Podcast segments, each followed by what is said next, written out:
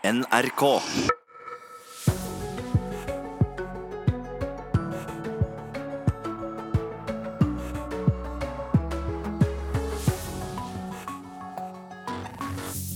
Forbruksgjelden krymper, trolig for første gang på 20 år, og det er i hvert fall hva ekspertene tror. Og apropos eksperter, vi får også råd om hva vi kan gjøre for å unngå det.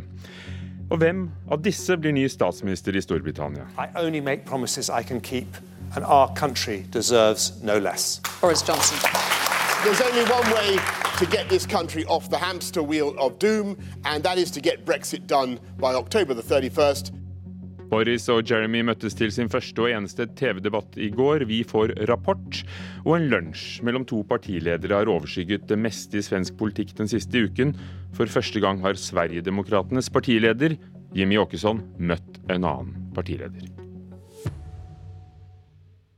Og er eh, pop-up-butikkene en uting som ødelegger for eh, faste butikker i sommerbyene? Det skal vi også ta opp senere her i Nyhetsmorgen. Velkommen, Ugo Fermariello i studio. Du lytter til NRK P2 eller alltid nyheter eller se på NRK1.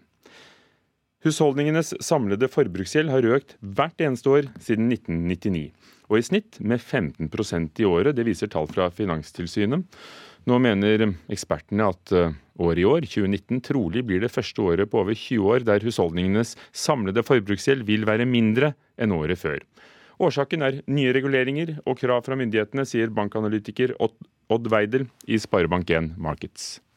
Selv under finanskrisen i 2008-2009 så hadde det segmentet her positiv volumvekst. Veldig liten vekst, da, rundt 1,4% Nå venter vi da negativ vekst også, rett og slett. Det sier bankanalytiker Odd Weidel i Sparebank1 Markets.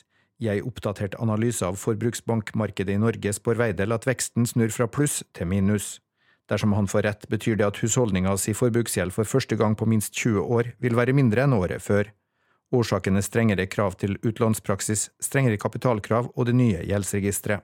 Når vi ser nå på første kvartal, så ser vi at samtlige av de norske bankene har eh, veldig lav volumvekst, og endog noen har svakt negativ volumvekst også.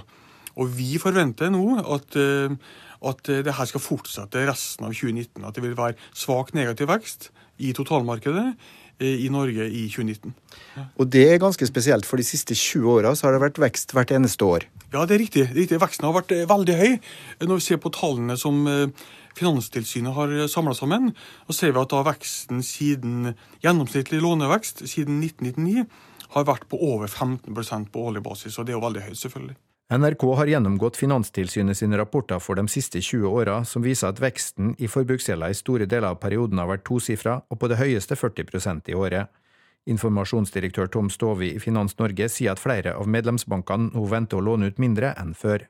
Vi har vært i kontakt med flere av de store aktørene i dette markedet, og det er antatt at for 2019 totalt sett så får vi negativ vekst, altså at forbruksgjelden til nordmenn vil falle. Ja, Det er litt oppsiktsvekkende. Det er lenge siden sist. Ja, det er veldig lenge siden sist. Men det viser jo at de tiltakene som regjeringen, eh, må vi vel nesten si, eh, har innført, har virket. Og statssekretær Geir Olsen i Finansdepartementet sier seg enig med ekspertene at det nå er sannsynlig at husholdningenes samla forbruksgjeld vil krympe i løpet av året. Ja, det er det. Det er for mange som har fått lån, som ikke burde ha fått lån. Derfor har myndighetene stramma inn regelverket betydelig, om at det eh, nå skal være vanskeligere å få lån. Sa statssekretæren Geir Olsen fra Venstre, reporter var Johan B. Settem. Elisabeth Rialsen, fagansvarlig i Finansportalen, som Forbrukerrådet står bak. Ja, er det gode nyheter vi hører? Ja, det kan være det.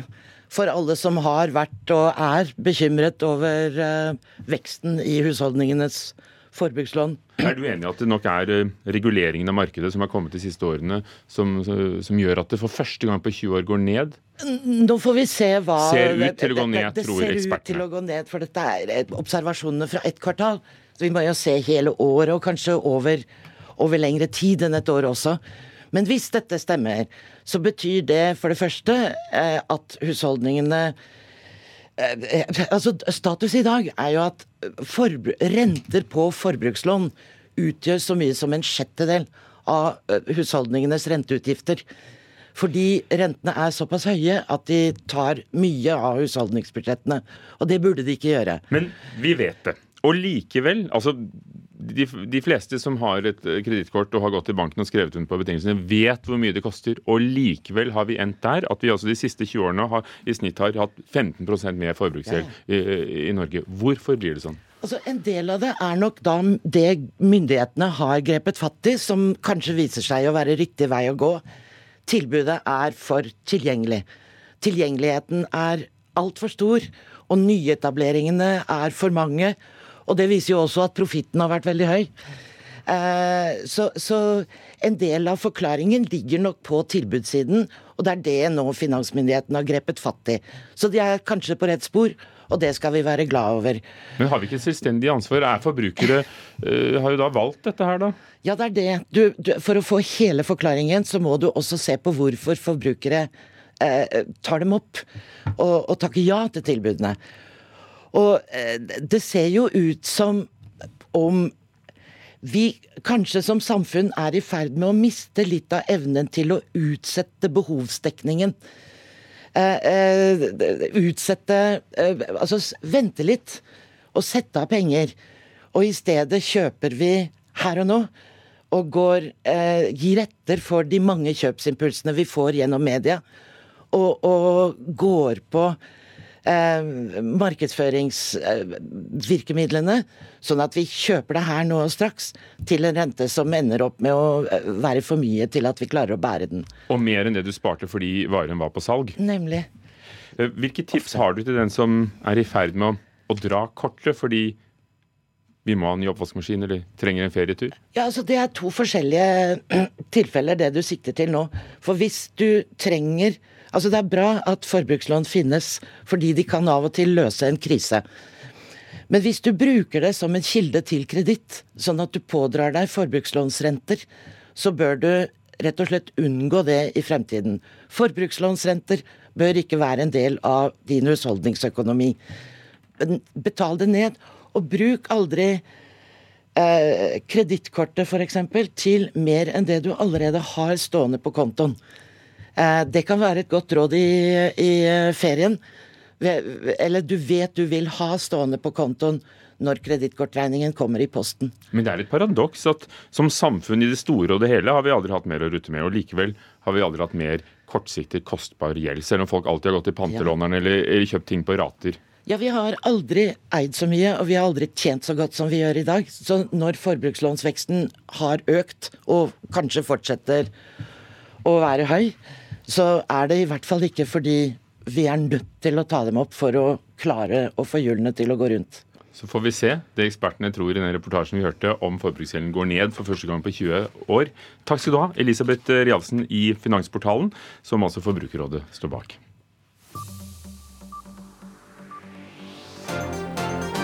Sammen med Anders Borgen Werring tar vi en titt på hva som eh, skal skje i dag, og hva som har skjedd i natt. En eh, FN-rapport viser at det er eh, mer sult i verden, og at arbeidet med å dempe ekstrem fattigdom går tregere enn fastsatt i FNs bærekraftsmål.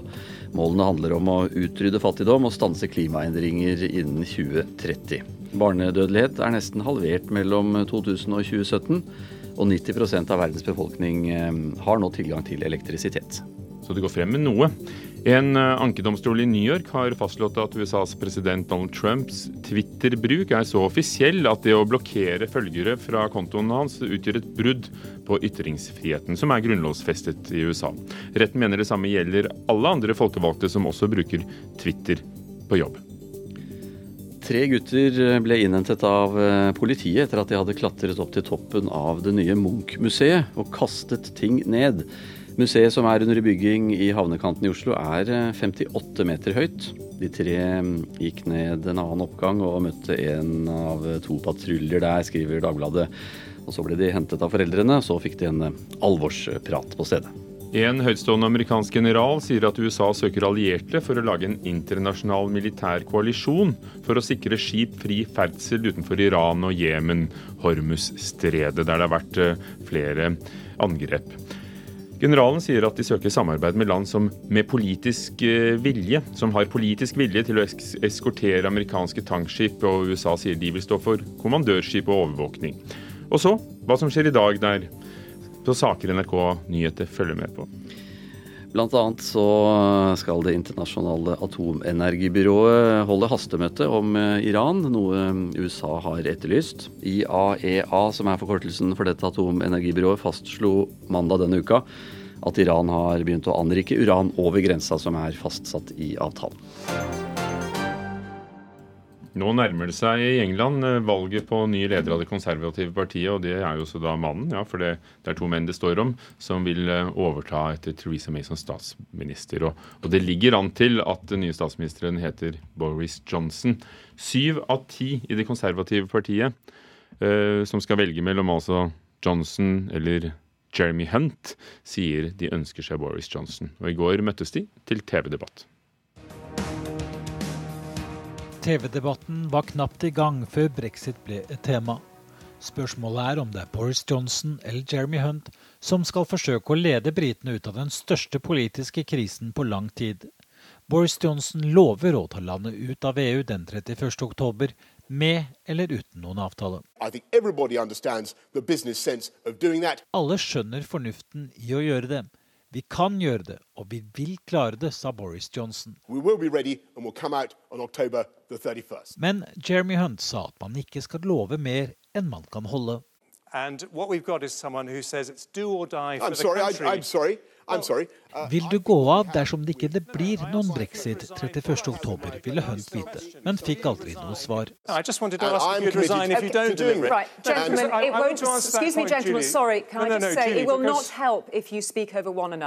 De to virket ikke som særlig gode venner. Da de ble bedt om å gi hverandre hvert sitt kompliment, kom beviset på det. I think I, um, I I value, I, I greatly admire his ability to, uh, to change his mind. Jeg beundrer stort hans evne til å skifte mening, sa Johnson. Og det var en spydig kommentar til Hunt, som først stemte for å bli i EU, men som så har snudd. Really uh, uh, men Hunt slang også med leppa og sa at han beundret Boris fordi han har en evne til å få folk til å le, i stedet for å svare på spørsmålene han ikke vil svare på. He puts a smile on your face and you forget what the question was. It's a brilliant quality for a politician. Maybe not a prime minister, though. Hunt og Johnson er likevel ganske så like i politikken, så dette handler ikke om politikk, men om stil. Vil folk velge en litt eksentrisk person som av og til skyter fra hofta, eller en veloverveid, trygg og kanskje litt kjedelig person som statsminister. Om to uker får vi svaret. Målinger tyder på at det blir Boris. Øyvind Nyborg, Stalford. Klokken er 16 minutter over syv. Dette er Nyhetsmorgen i NRK. Forbruksgjelden krymper trolig for første gang på 20 år. Manglende kunnskap fører til livsfarlig behandling av diabetikere, mener Diabetesforbundet. Og 5% av ungdom og unge voksne, altså de mellom 15 og 25 år, velger kino når de skal se film. Resten strømmer fra sofaen, viser en undersøkelse NRK har fått laget. Dette er blant hovedsakene i dag, og så skal vi høre om svensk politikk, der eh, en lunsj mellom to partiledere har overskygget det meste av snakket om politikk i nabolandet den siste uken. Møtet var nemlig et stort gjennombrudd for et parti som har vært holdt ute i kulden i ni år. Og, og nå kan dette åpne opp for nye allianser i svensk politikk. Det her kan eh, forandre hele den politiske spillplanen i Sverige. Ja, denne lunsjen har blitt et hett samtalsemne. Både Busch Thor og Åkesson fortalte om møtet i sosiale medier i dag. Noen ganger har et bilde kraft nok til å sette dagsorden alene. Bildet fra et møterom i den svenske riksdagen forrige uke var et sånn. Det viser fire personer rundt et bord. To rådgivere og to partiledere som spiser lunsj. Ikke noe mer enn det. Likevel endret bildet den politiske debatten i Sverige fullstendig. Egentlig så er det ganske anmerkningsverdig at det er så kontroversielt at to partiledere i Sveriges riksdag sitter ned og äter lunch og prater med hverandre, men, men, i den svenske konteksten så er det det. Dette er Jimmy Åkesson, partileder for Sverigedemokraterna. Partiet har vært representert i Riksdagen siden 2010. Ved forrige valg fikk de en oppslutning på 17,5% Likevel har partiet hatt liten innflytelse. Ingen har villet snakke med Jimmy Åkesson. Det skyldes partiets røtter i nazibevegelsen og politiske standpunkter, særlig på innvandringsfeltet. Jimmy Åkesson har vært en persona non grata helt inntil forrige uke. Nå har jeg sittet med i Riksdagen som partileder i ni år.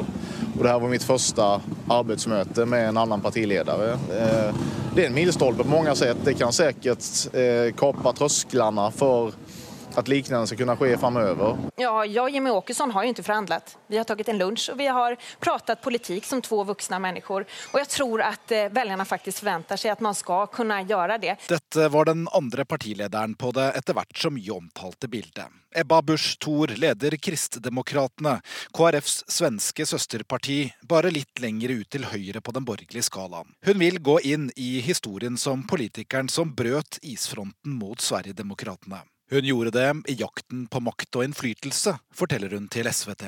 Vi må hele tiden se til hvordan vi kan gjennomføre den politikk som vi tror er best for Sverige. Vi skal vende krisen i sykvården og i eldreomsorgen. Det har vært vårt fremste løfte.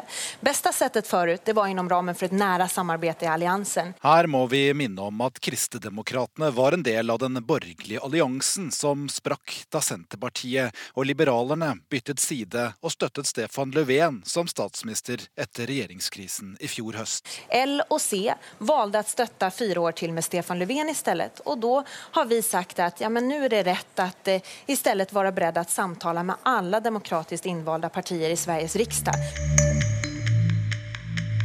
Så hva betyr egentlig dette første møtet?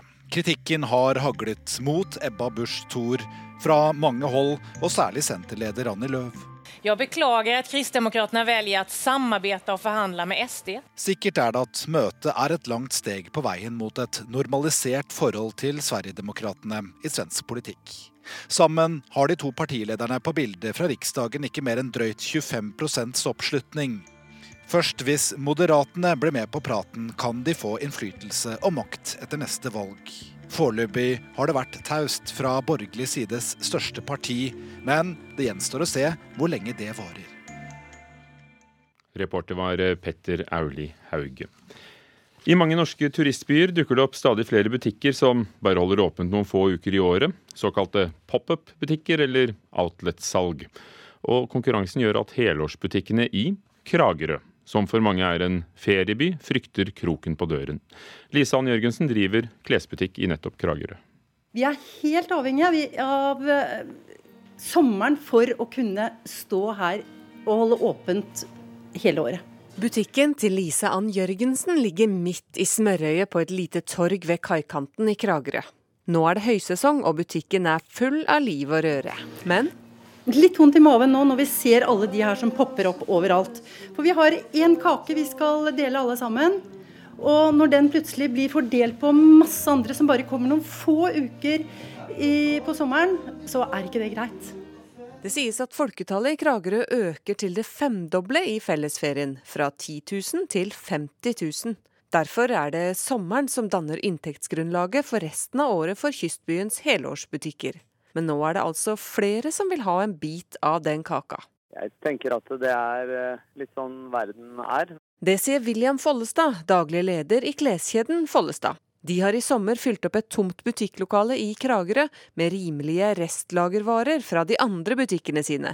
Målet er å bli kvitt varene og gå i null, sier han. Outlets eller pop-up-butikker det er på en måte kommet for å bli, så om vi gjør det, eh, så føler at det er helt greit. Og hadde ikke vi gjort det, så hadde det vært noen andre som hadde gjort det. Den samme trenden ser man i mange norske byer. Og de store omveltningene i varehandelen er frustrerende for mange, sier Harald Andersen i bransjeorganisasjonen Virkehandel. Det har jeg ikke noe problem med å forstå, men samtidig må man bare erkjenne at det er, det er nok den nye virkeligheten for, for varehandelen framover. Konkurransesituasjonen er snudd på hodet med netthandelens inntog, og i kjølvannet av dette vil det dukke opp enda flere konsepter som konkurrerer med de tradisjonelle butikkene, som de såkalte pop-up-butikkene. Og så lenge kundene vil ha det, vil det bli stadig mer av det, sier Andersen. Det er alltid helt slik i varehandelen at kunden er sjefen, og det har nok aldri vært mer riktig enn i dag. og Sånn vil det også være framover. I en av Kragerøs handlegater møter vi turist Sara Hegdal. Hun sier hun ikke tenker over hva slags butikker hun handler i. Nei, egentlig ikke. Jeg ville like greit gått inn i en pop-up-butikk som en annen butikk. Fordi jeg ikke har noe forhold til de butikkene som er der heller. Og hva er det som betyr noe når du skal handle? Nei, at de har fine ting i min stil. I Kragerø har medlemmene av næringsforeninga gått sammen om en kampanje for å gjøre kundene bevisste på at helårsbutikkene er avhengig av gode inntekter i fellesferien. Stort mer enn å fortelle hvordan ståa er, kan de ikke gjøre, sier Lisa Ann Jørgensen, der hun står midt i butikken sin, som nå på denne tiden av året er full av både kunder og musikk som skal lokke dem inn. Sånn er det nå, og så får folk ta valget, da. Og hvis det er sånn, så må jo vi òg tenke oss om og ja, se hva som skjer. Og vår reporter i Kragerø var Randi Berdal Hagen. Fotballaget Rosenborg skal bryne seg på verdens nest mest suksessrike ligalag når de møter nordirske Linfield til mesterligakvalifisering i fotball i kveld. Og selv om Erik Hornelands menn har hatt en tøff sesong så langt, håper de å bite fra seg i Europa. Her er hva treneren selv sier. Nei, Vi vinner jo mye fotballkamper om dagen, det gjør vi. Vi er formlag i norsk eliteserie. Så vi er på rett vei, men vi har utrolig mye mer å komme med. For det har snudd for Rosenborg i det siste. Etter å ha ligget nederst har de nå klatret opp til sjuendeplass på tabellen i Eliteserien. Anders Tronsen sier de tar med seg den nyvunne selvtilliten til Nord-Irland. Ja, altså selvfølgelig. Seire hjelper på, på veldig. det. Altså. Så jeg har jo vært gjennom en tung start og ser at ting begynner å løsne nå. Enkeltspillere begynner å vise seg fram, så, så, selvfølgelig så stiger selvtilliten. Så vi skal ta med oss det vi har gjort i de siste matchene og bygge på det mot Linfield. Men det er ingen hvem som helst de møter i kvalifiseringen, for Linfield er kun ett seriemesterskap unna å tangere Rangers verdensrekord i 54 ligatitler. Likevel, nordirene har slitt i Europa, og keeper André Hansen mener de bør slå Linfield. Jeg forventer, i hvert fall min forventning mot Linfield at dette er et, et, si, et hinder vi skal passere. Uh, og Det sier seg sjøl. Hvis du har lyst til å spille både Champions League og Europa League, så, så må du slå Linfield. Men, selvfølgelig all respekt for den motstanderen. Vi har møtt irske lag de to siste åra som ikke har vært, uh, vært, lette kamper. Der det egentlig kjempes for, for enhver ball uansett hva resultatet er. Uh, så, så, at det blir tøft, det, det gjør det nok. Men vi skal ha den kvaliteten til å, til å beseire Linfield. og da møter vi bedre motstand i runde to igjen, og det sier seg sjøl at da blir det verre og verre jo lenger vi kommer. Rosenborg har deltatt i gruppespillet i Europaligaen de to siste sesongene, men etter en tøff sesongstart her hjemme blir det viktig å ta seg videre i Europa, mener Tronsen. Nei, Det blir utrolig viktig, spesielt ettersom vi har røket ut av cup. Og så har vi jo som sagt fått en litt trå start, så europaspill det kan redde mye av sesongene. Og hva er viktigst, å kvalifisere seg til Mesterligaen eller klatre på tabellen i den hjemlige serien? Nei, Vi tar gjerne begge deler, uh, ingen tvil om det. Uh, vi ønsker å klatre på, på tabellen, uh, og vi ønsker å kvalifisere oss for Europa, så vi, vi går for begge deler. Og reporter var Marianne Kvamme Ammengoal. Rekordmange nyankomne innvandrere kommer seg ut i utdanning eller arbeid, ifølge Integrering- og mangfoldsdirektoratet. Tallene er de beste på ti år, og en kommune som drar pilen opp er Sandefjord. Syv av ti innvandrere der enten tar utdanning eller er i jobb. Here we just something. Ti-Wing er i full gang med å fikse ny båtkalesje til nok en luksusyacht. Hun driver Nams båtkalesjer på Vallø båthavn i Tønsberg. Men Tis første møte med båtlivet utspilte seg i mye farligere farvann enn det vi finner i Tønsbergfjorden. I en liten fiskebåt skulle hun bli en av mange båtflyktninger som kom til Norge på 80-tallet. Vi dro fra Vietnam til Thailand på 52 dager på sjøen. Mangla vann, ikke motor, ingenting. Vi rodde og rodde, og så kom vi fram til slutt, da. Men det var en veldig tøff reise. For å være et barn uten mamma og uten familie, bare med en onkel, liksom. Ja, det sitter inn i hjertet fram til nå. Ti var bare åtte år da hun satte seg i båten sammen med sin onkel. Målet var et liv i trygghet. Den farefulle flukten skulle vare i fire år før hun til slutt skulle finne en trygg havn i Norge. Men da var det en helt annen reise som skulle starte. Alt er nytt for meg. Både språket og kulturen og samfunnet og vær, klima, whatever. Det er så veldig nytt. Staten stilte opp med integreringsprogram for å hjelpe henne. Men den viktigste hjelpen for å bli en del av det norske samfunnet kom fra menneskene i nabohusene. De bygger hele forholdet i tre ord. Tro, håp og kjærlighet. Og det tror jeg at det de gjorde er veldig riktig. Og så jeg også gir tilbake tro, håp og kjærlighet til dem. At de tror at jeg kan gjøre noe uh, positivt for kanskje bidra noe positivt for samfunnet, for folk rundt uh, omkring meg. Og de håper på at jeg trives her. ikke sant? Og de ga meg kjærlighet, de åpne armer. Og så kom her, får du te, får du mat, får du det som du trengs. ikke sant? Altså, får du trøst. Det er viktig. Fordi det, for første, ikke sant? Jeg kom hit, så det var så veldig sånn veldig sårbart. Det er jo nettopp derfor at eh, det med å klare å få til en kultur eh, og en holdning i samfunnet eh, til inkludering er så viktig. Det sier kommunalsjef for helse, sosial og omsorg Henning Johansen i Sandefjord kommune. De er blant de beste i landet på integrering av nyankomne innvandrere, og har et klart fokus fra start.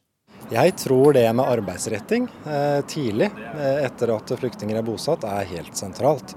Og så tror jeg samarbeid med alle aktører i lokalsamfunnet. Det er selvsagt arbeidsgiverne som har en veldig stor rolle, men også frivilligheten og andre. Og TI har et tips til innbyggerne i kommuner som sliter med integreringen. Hvis alle personer rundt omkring, eh, meg og deg og alle personer, så ta ytterligere litt ansvar hver, og så gjør vårt jobb ikke sant? med tro, håp og kjærlighet, så tror jeg det er ingen vanskelig i det hele tatt. Gi litt, bidra litt, så tror jeg ingen problem. Ingen problem. Nei. Tiåing til reporter Guro Hatlo. Ferie i siste liten, det er vårt sesongaktuelle tema her i Nyhetsmorgen i NRK rett etter Dagsnytt 7.30. Sommer i P2. Hei, jeg heter Big Daddy Karsten. I musikken min så har jeg rappa om mange ting. Alt fra damer til dop til generelt livet. Det at jeg rappa om damer, er jo litt lættis, siden jeg skjønte allerede som tenåring at jeg ble kåt av bussjåføren. I Sommer i P2 forteller jeg om veien fram til å bli Norges første profilerte, åpne, homofile, mannlige rapper. Sommer i P2, i dag klokka ni.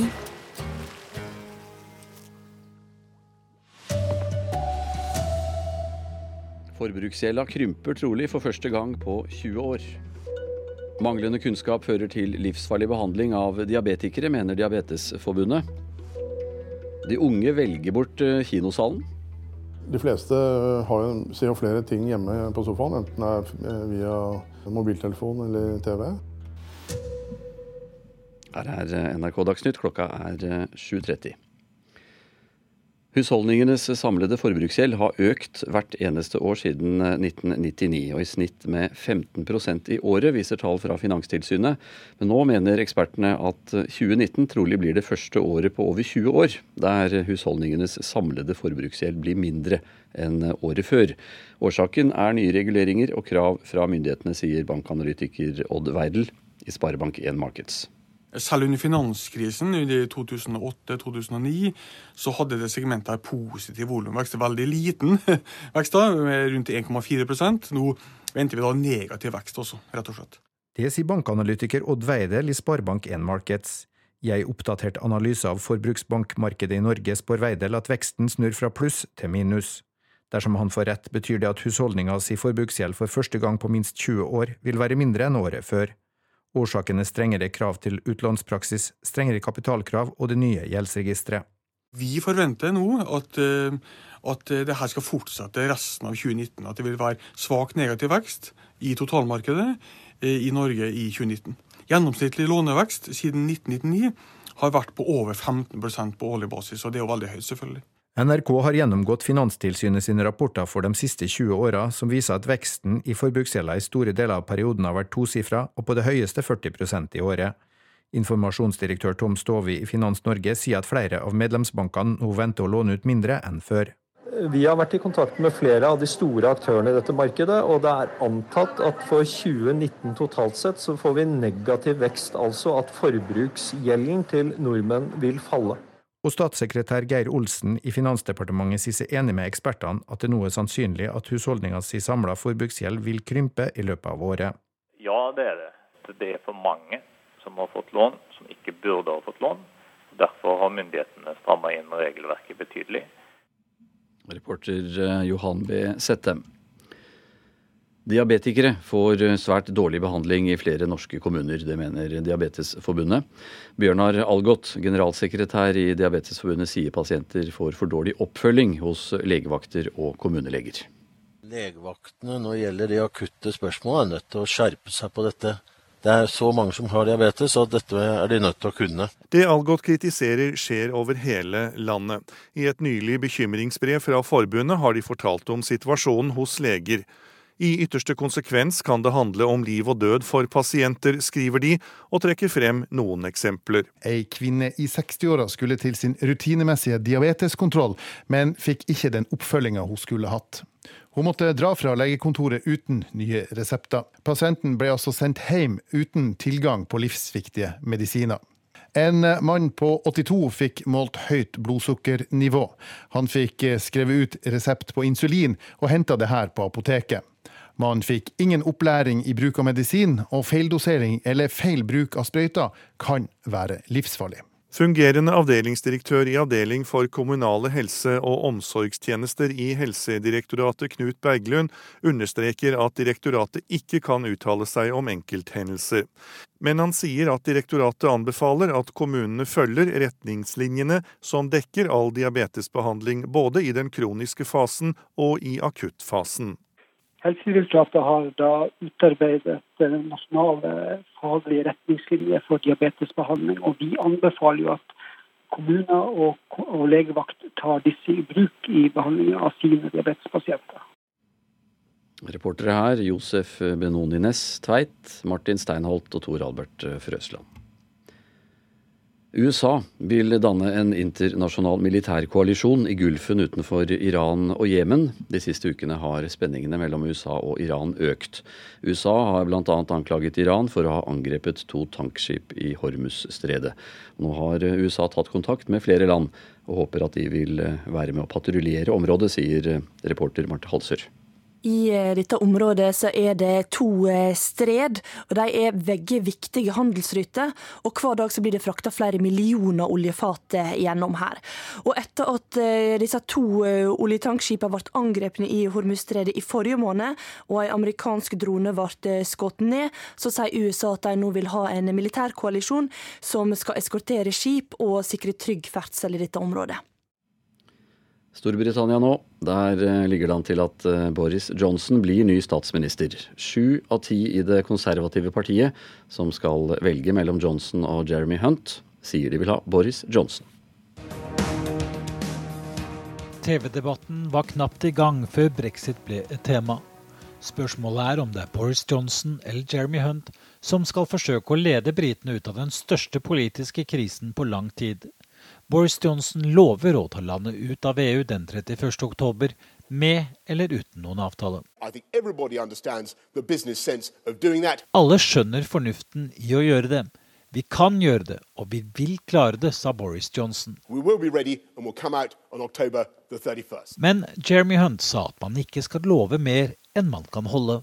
And what we've got is someone who says it's do or die for I'm the sorry, country. I, I'm sorry. Uh, Vil du gå av dersom det ikke blir noen brexit 31.10, ville Hunt vite, men fikk aldri noe svar.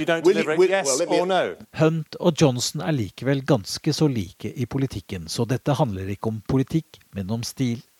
Vil folk velge en litt eksentrisk person som av og til skyter fra hofta, eller en veloverveid, trygg og kanskje litt kjedelig person som statsminister? Om to uker får vi svaret. Målingen tyder på at det blir Boris. Øyvind Nyborg, Stalford. Bare 5% av de unge, altså de mellom 15 og 25 år, velger kino når de skal se film. Det viser en undersøkelse Norstat har gjort for NRK. Dette halvåret så har besøkstallene på kino sunket betraktelig sammenlignet med i fjor. Kinoene jobber hardt for å beholde de unge i kinosalen. Sikkert sånn tre ganger i måneden. To, nei, nei, mindre enn det. Mindre? Jeg vet ikke. En gang i måneden, kanskje? Ja, det kommer vel an på hvilke filmer som går. Ja. Probably maybe three times a year. Yeah. I maybe go like once every three months or so. So like four times a year maybe. Det sa de vi spurte på gata om de ofte går på kino.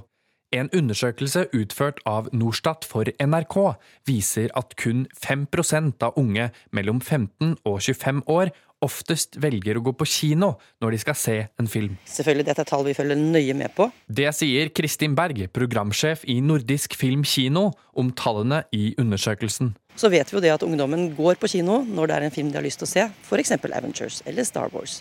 Jørgen Stensland i bransjeorganisasjonen Film og Kino. Han er ikke overrasket over at de unge oftest velger å strømme filmer. De fleste har jo, ser jo flere ting hjemme på sofaen, enten det er via mobiltelefon eller TV. Men at det forholdet er sånn 65% 5% er vel ikke helt unaturlig. Kristin Berg fra Nordisk Film Kino merker konkurransen om filmtitterne fra strømmetjenestene, men sier deres kinogjester går like ofte på kino nå som tidligere. Men det endrer seg hva folk ser på kino. Reportere Peter Pettersen og Maiken Svendsen. Hvithvalen Valdimir har blitt en stor turistattraksjon i Hammerfest. Hvalen dukket opp på mystisk vis ved Finnmarkskysten i mai og har nå slått seg til ro. Hver dag så blir den matet av frivillige ved lunsjtider, til stor fascinasjon hos alle turistene som har kommet for å se den. Nå er det denne hvalen som vi skal kikke på. Det er matdags her om noen minutter, så det skal bli litt kult å se. Bryggene rundt havnebassenget i Hammerfest sentrum er stappfulle av folk med lange kameralinser. Alle stirrer ned i vannet der det tilsynelatende ser ut som et spøkelse flyr rundt rett under havoverflaten. Svenske Gøran Lindholm står og følger med når det hvite hvalhodet stikker opp av overflaten for å ta imot dagens lunsj. Vi har sett den på svensk, svensk nyheter og fikk informasjon om den på båten. Den nye hvalinteressen i byen er ikke hverdagskost for hammerfestingene. Det har aldri vært så mye turister. Hvordan syns du det er at det er blitt sånn? Det er vel greit. Han er jo skjønn. Selv om Valdemir er Hammerfest sitt nye trekkplaster for turister, håper Mick Gallagher fra Australia, som er på vei sørover med Hurtigruta, at Valdemir en dag lærer seg å leve på den naturlige måten. Hopefully one day it'll go out and start feeding for itself where in its natural habitat, but then we wouldn't have the pleasure of it being here today and with you people here. Reporter her, det var Carl Biel. Elin Pettersen har ansvaret for NRK Dagsnytt i dag. Jeg heter Anders Borgen Werring.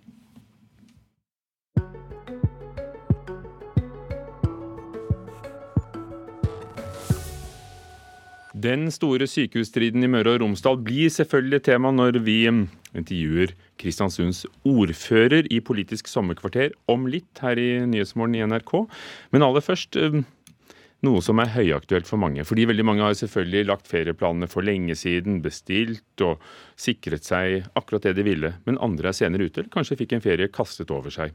Hva gjør man da? Toril Moland, ansvarlig redaktør i magasinet Reiselyst, god morgen. God morgen, god morgen.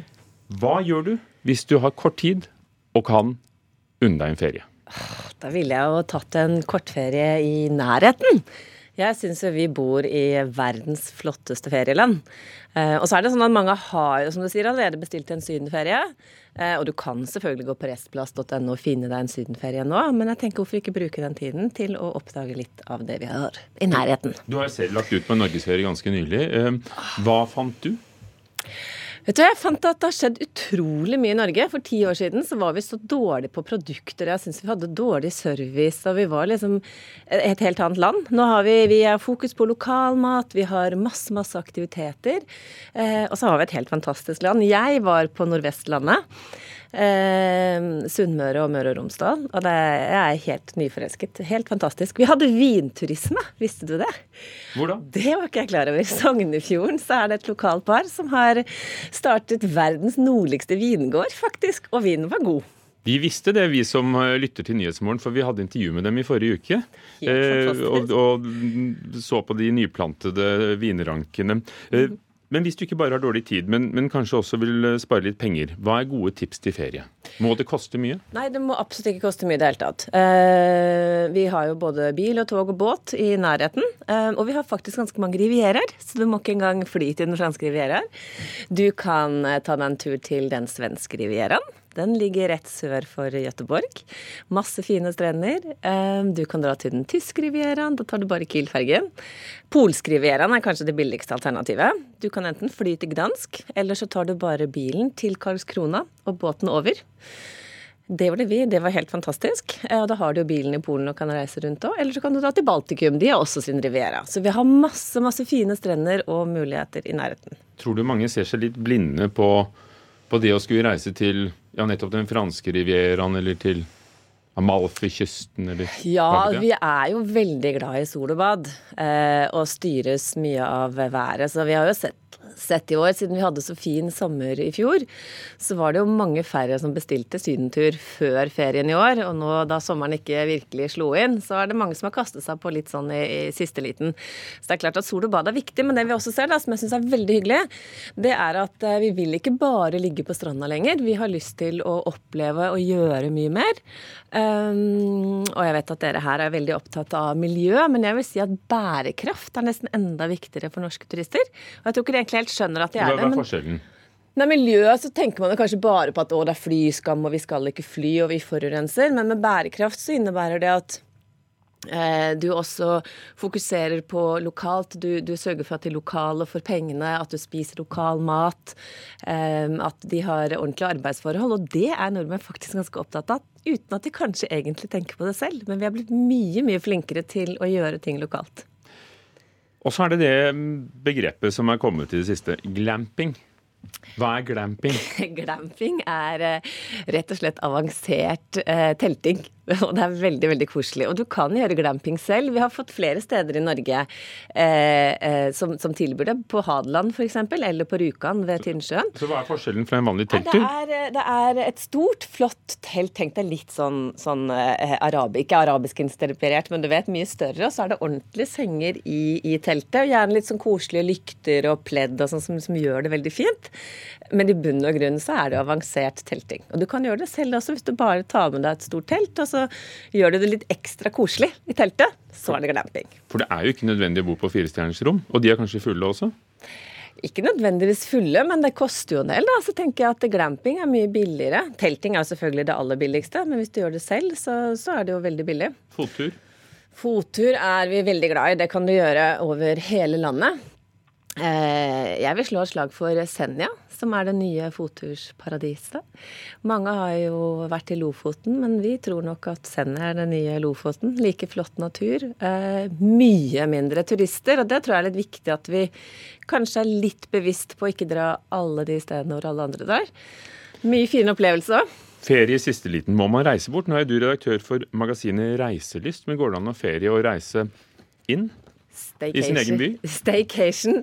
Eh, det gjør det absolutt. Vi som er så heldige og bor i Oslo, har jo vanvittig mye tilbud, men det har jo de fleste andre også byer i eh, Norge. Eh, man kan rett og slett bare kose seg hjemme. Det, jeg som reiser så mye, er veldig glad i staycation. Men du mener er- kanskje at en liten reise gjør noe med sjelen? Ja, eh, man opplever jo å få input eh, og få nye ideer og inspirasjon. Og så tenker jeg at eh, man kan jo gjøre litt som Ole Brumm, da. Altså si litt ja takk, begge deler. Det er mye snakk om å reise med tog, enten det skyldes at folk skammer seg over å fly, eller bare fordi det er fint å reise med tog, og kanskje noen ganger rimeligere. Eh, Det var jo helt vanlig, det, for de som opplevde det 80- og 90-tallet, og nå er det nærmest noe eksotisk, eh, fremstilles det som. Hva syns du? Er ikke det veldig rart? Jeg syns at ungdommen går glipp av noe helt fantastisk. Vi har, begge tilhører vi jo interrail-generasjonen. Eh, Jeg håper at nye Vy også har vyer om å gjøre forbindelsene nedover til Europa litt bedre, for det er nok noe av grunnen til at vi ikke reiser så mye med tog lenger.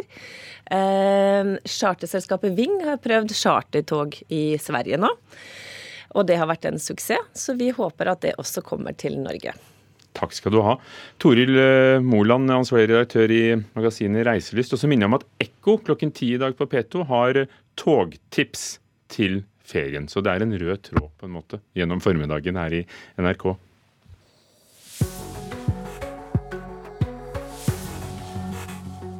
Ja, med det er klokken eh, nærmest eh, 7.47. Dette er NRKs Nyhetsmorgen. Forbruksgjelden krymper trolig for første gang på 20 år. Det er ekspertene som mener dette. Manglende kunnskap fører til livsfarlig behandling av diabetikere, ifølge Diabetesforbundet. Og bare 5% av ungdom og unge voksne velger kino når de skal se film, viser en ny undersøkelse. Og nå Politisk sommerkvarter. I stedet for Politisk kvarter sender vi portretter med politikere som er aktuelle før kommunevalget i september. Bunadsgeriljaen har satt Kristiansund på kartet det siste halvåret. Men hvorfor er de egentlig så frustrerte i denne kystbyen på Nordmøre? Vi har besøkt um, en av landets eldste byer for å ta temperaturen på den store sykehusstriden i Møre og Romsdal.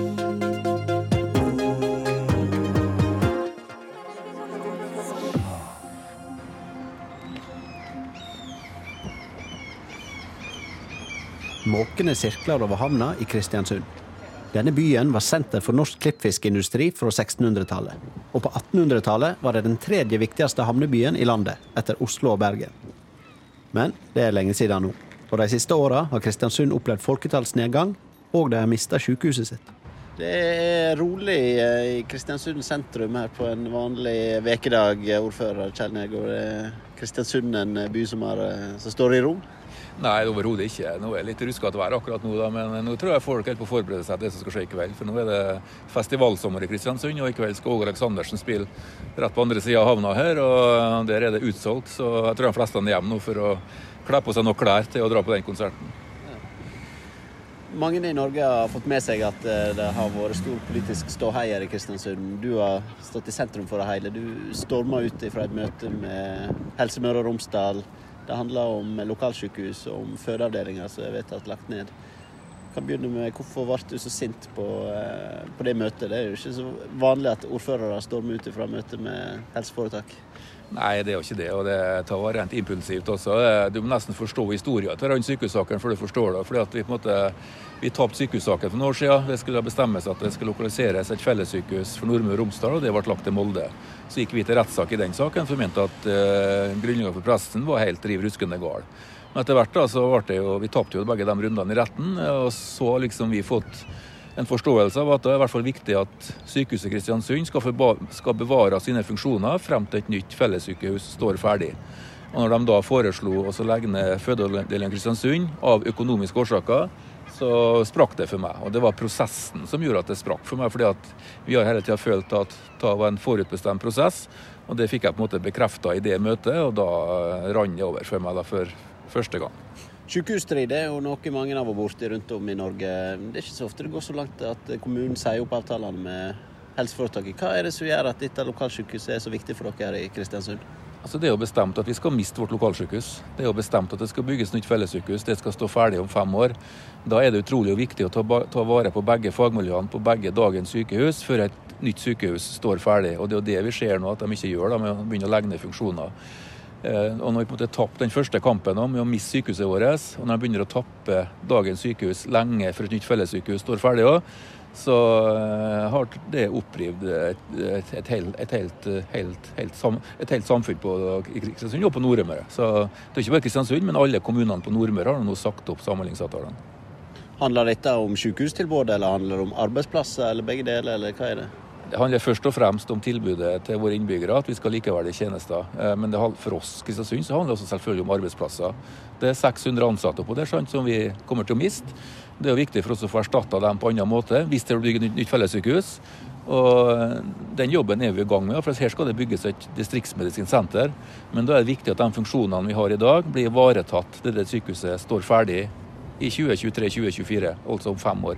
Og Det er jo det vi erfarer nå, at eh, de er på vei til å gå bort ifra det. Og Bakteppet er vel òg at folketallsutviklinga de siste par åra har stagnert her i Kristiansund. Dere er kanskje redd for framtida? Ja, altså Vi har jo merka oljenedturen kraftig i Kristiansund. Den kom jo sånn 2014-2015. Da stagnerte, da flata innbyggerveksten ute i Kristiansund.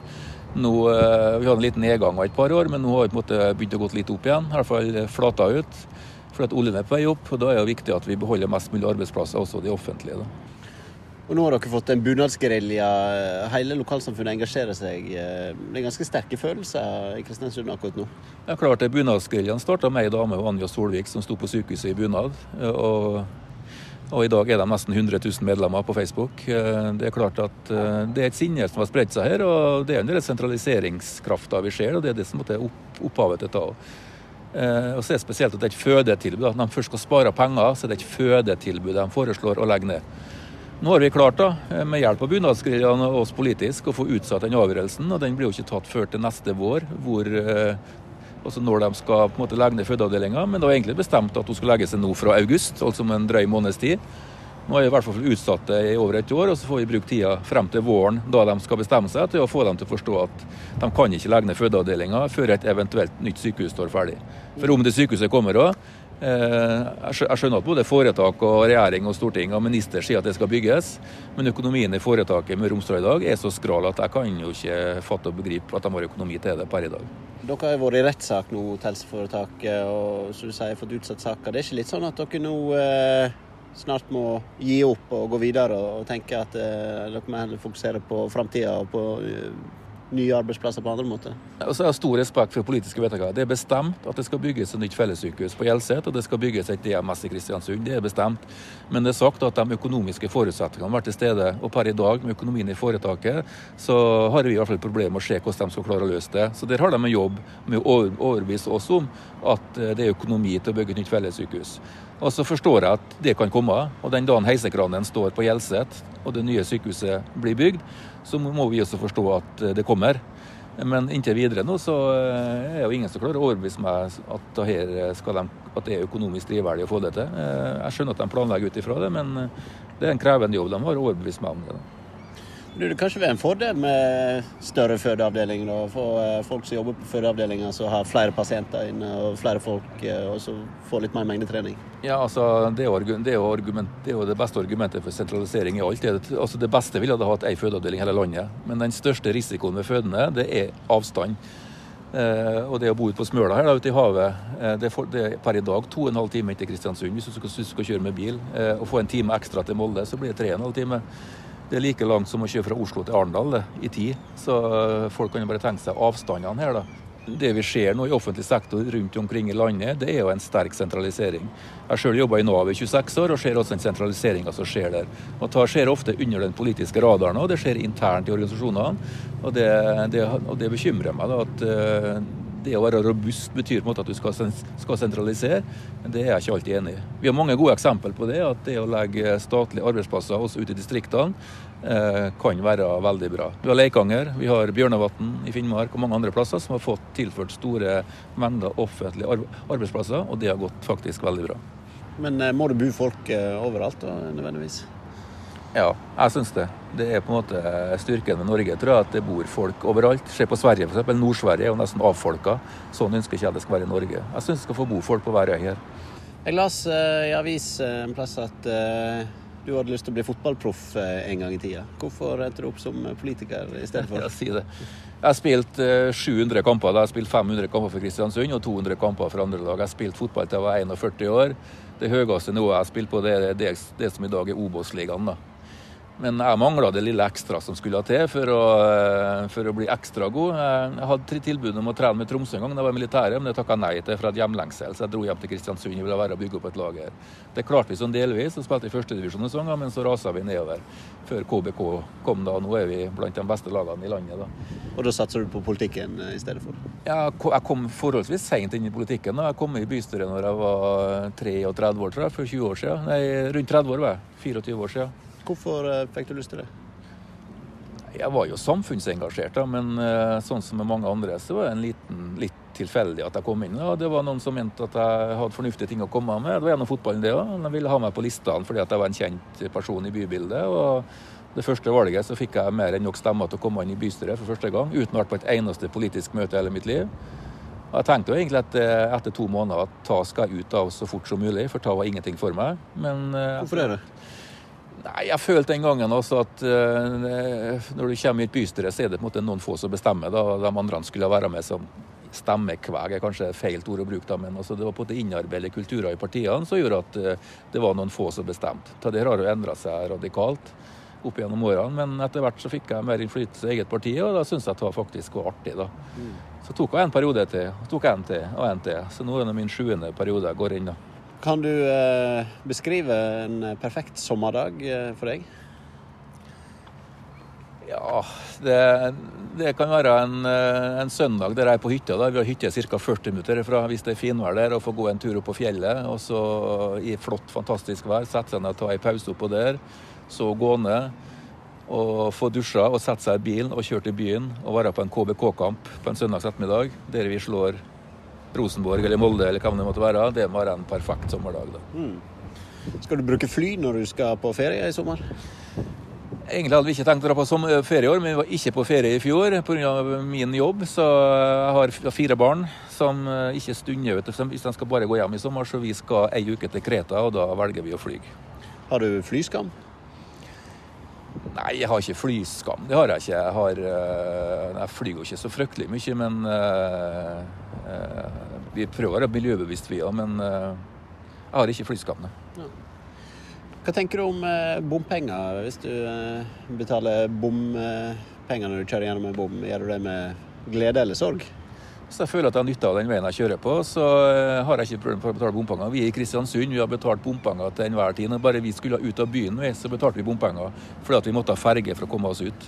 Vi fikk jo Krifast-anlegget, som er en undersjøisk tunnel der det før gikk ferge. Den har vi betalt med bompenger. I dag kjører vi gratis.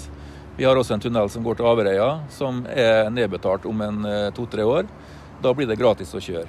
Vi, og de erstatter jo ferger som ville ha vært bompenger til evig tid.